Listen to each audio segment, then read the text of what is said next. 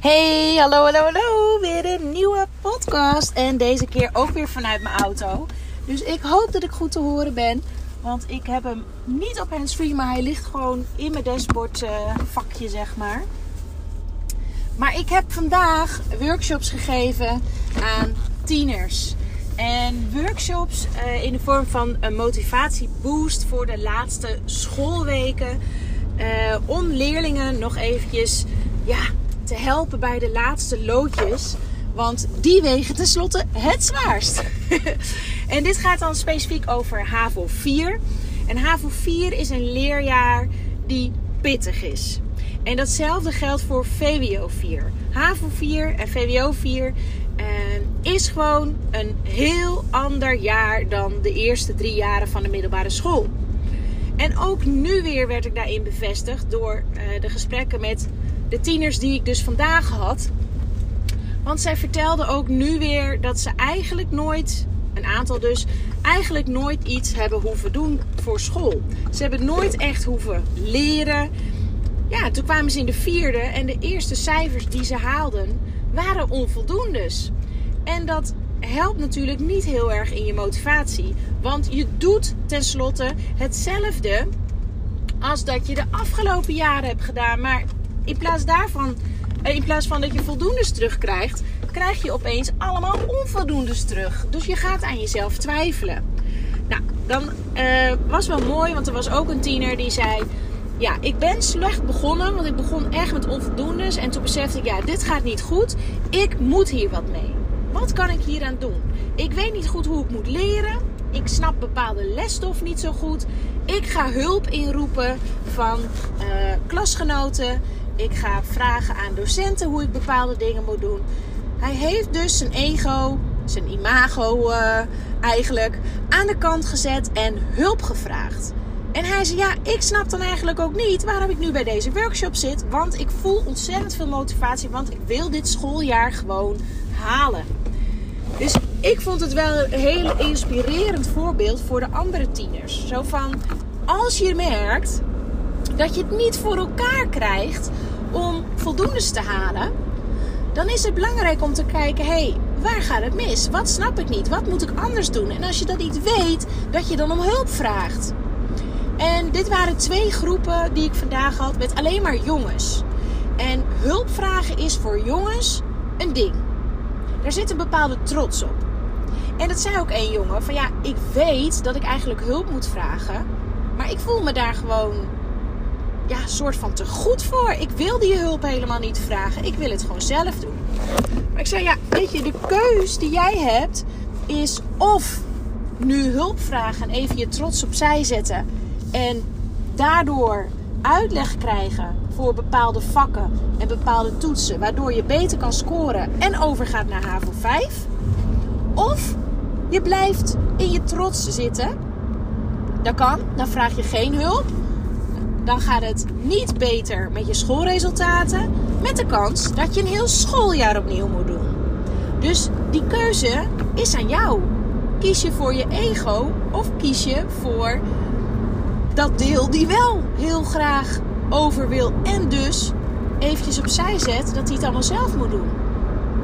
Nou, aan het einde van de workshop gaf hij ook aan van ja, weet je, ik moet gewoon hulp vragen aan mijn moeder, aan mijn zus.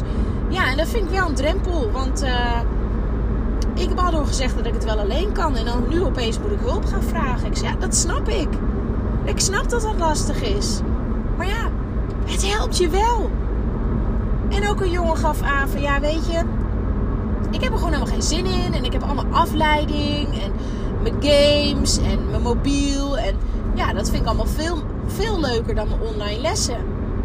Ik zie ja, en het is een keuze, hè? Het is een keuze of jij je aandacht geeft aan je mobiel of dat je ervoor kiest om deze laatste vier weken, want het zijn echt vier weken voor deze leerlingen, want dit is regio Noord. Um, om uh, vier weken je mobiel wat meer aan de kant te leggen, je even volop op school te storten. Of dat je zegt, weet je, ik doe lekker helemaal niks meer. Ik pak gewoon een jaar extra HAVO 4. Ik doe er gewoon een jaar langer over, want ik wil nu zo graag op mijn mobiel. Ja, toen moest hij natuurlijk wel lachen. Ja, maar dat is de keuze die je maakt, hè. Als jij nu ervoor kiest om lekker op je mobiel te gaan zitten klooien...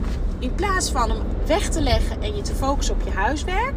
dan kies jij voor de optie dat er een kans is dat je het niet redt. Ik zei, ik zou het wel weten.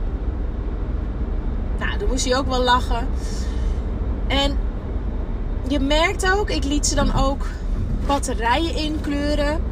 Uh, de drie motivatiebatterijen. Hè? Dus de, eerste is autonomie. Dus je eigen uh, pad bepalen, uh, je eigen keuzes maken. Als dat allemaal mag, voel je motivatie. Mag je dat niet, dan verlies je motivatie. De tweede is competentie. Het gevoel hebben dat je ergens goed in bent of dat je het kan leren. Dat je overzicht hebt, dat je weet hoe je, hoe je moet aanpakken. En hoe je moet leren, waar je het allemaal voor doet. En de derde is sociale verbondenheid. Toen was er ook een jongen en die vertelde: Ja, sociale verbondenheid is bij mij een lage batterij. Ik zo, joh, wat, wat is de reden daarvan? Is het dat je vrienden mist? Of, nou ja, en, en ik zei van ja, ik heb eigenlijk heel weinig contact met mijn docenten.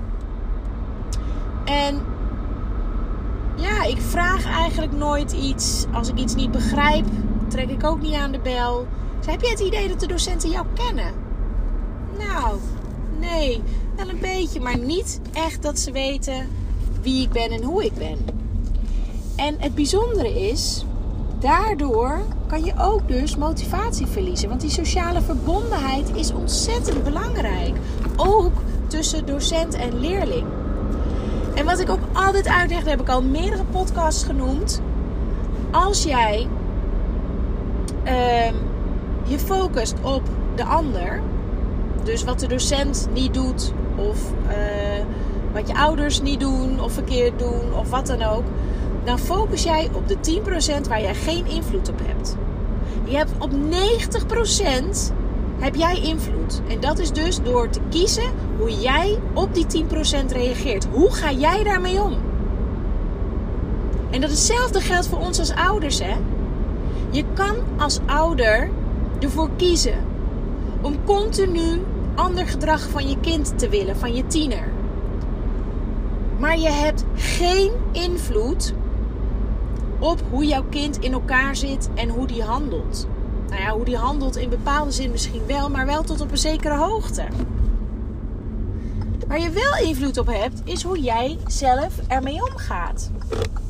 Ik had dus ook een leerling en die gaf aan: um, ja, als ik. Als ik online lessen volg, vind ik het veel moeilijker om erbij te blijven. Ik heb altijd al een een ja, probleem gehad met focus en met concentratie. En in de klas gewoon, ja, dan, dan zei de docent gewoon even: hey, hey, even weer erbij, even weer stil. En dan was hij weer gefocust. En nu bij de online lessen is dat natuurlijk veel ingewikkelder en, en gebeurt dat niet. Dus kiest hij voor de leuke dingen. En het is niet dat hij dat liever wil, want hij wil natuurlijk dit jaar halen.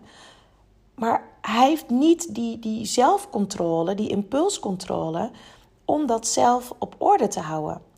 En dan kunnen wij natuurlijk als, als ouders, als docenten, kunnen wij willen dat die jongen gewoon de discipline opbrengt om zich te focussen. Maar daar hebben we geen invloed op. En het lijkt erop dat hij daar ook niet echt invloed op heeft.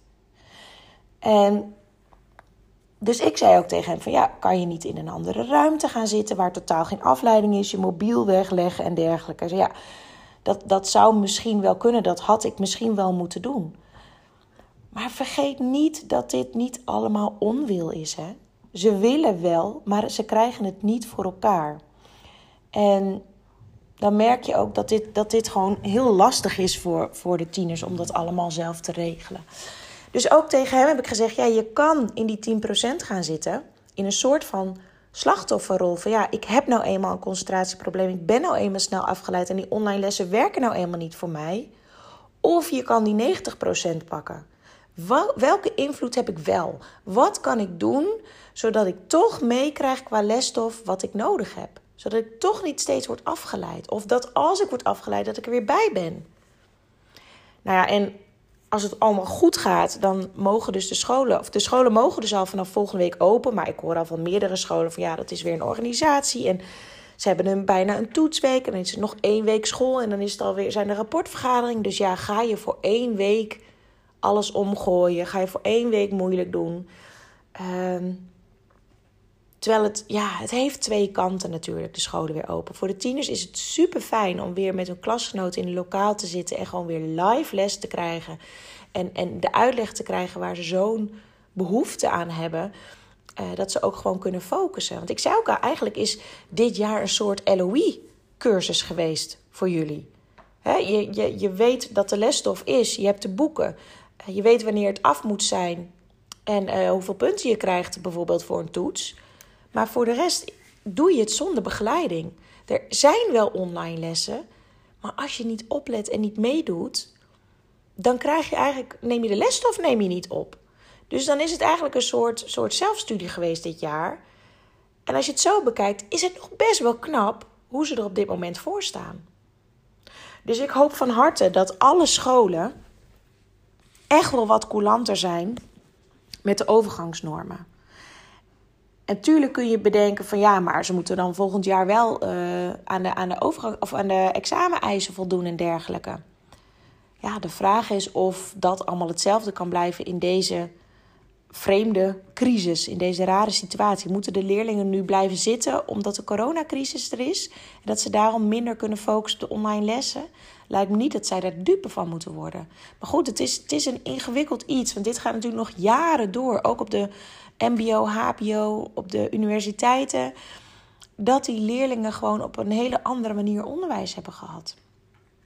Dus misschien moeten we gewoon het hele systeem langzamerhand een beetje gaan aanpassen. Want dit is, ja, we hebben dit jaar echt het onmogelijke gevraagd van tieners, vind ik. En ze geven ook aan, ja, de ene docent doet het beter en makkelijker dan de andere docent.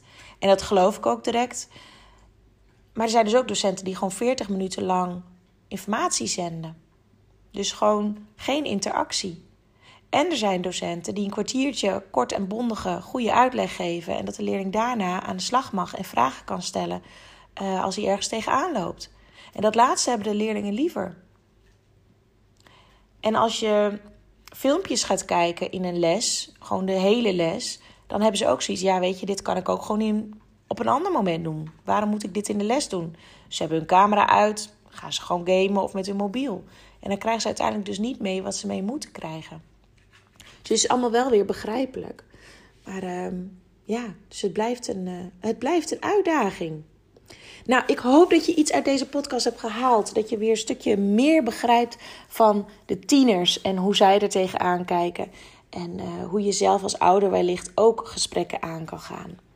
dat, je ze, dat je ze helder maakt van ja, het is nu even vier weken bikkelen. Laten we een overzicht maken samen. Kijken wat er nog allemaal aankomt. Letterlijk de boeken openslaan. Waar gaat het over? Hoeveel is het? Hoeveel tijd heb je ervoor nodig? Welke snap je wel? Welke snap je niet?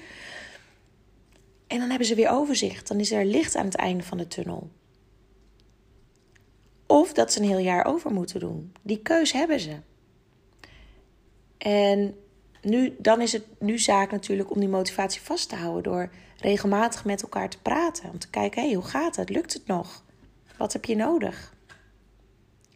Oké, lieve ouders, ik laat het hierbij. Ik hoop dat je er wat aan had. Deel hem gerust als je iets hebt. Dit moeten alle ouders horen. En uh, ik spreek jullie woensdag weer. Nee, vrijdag weer, want het is nu woensdag. doei doei.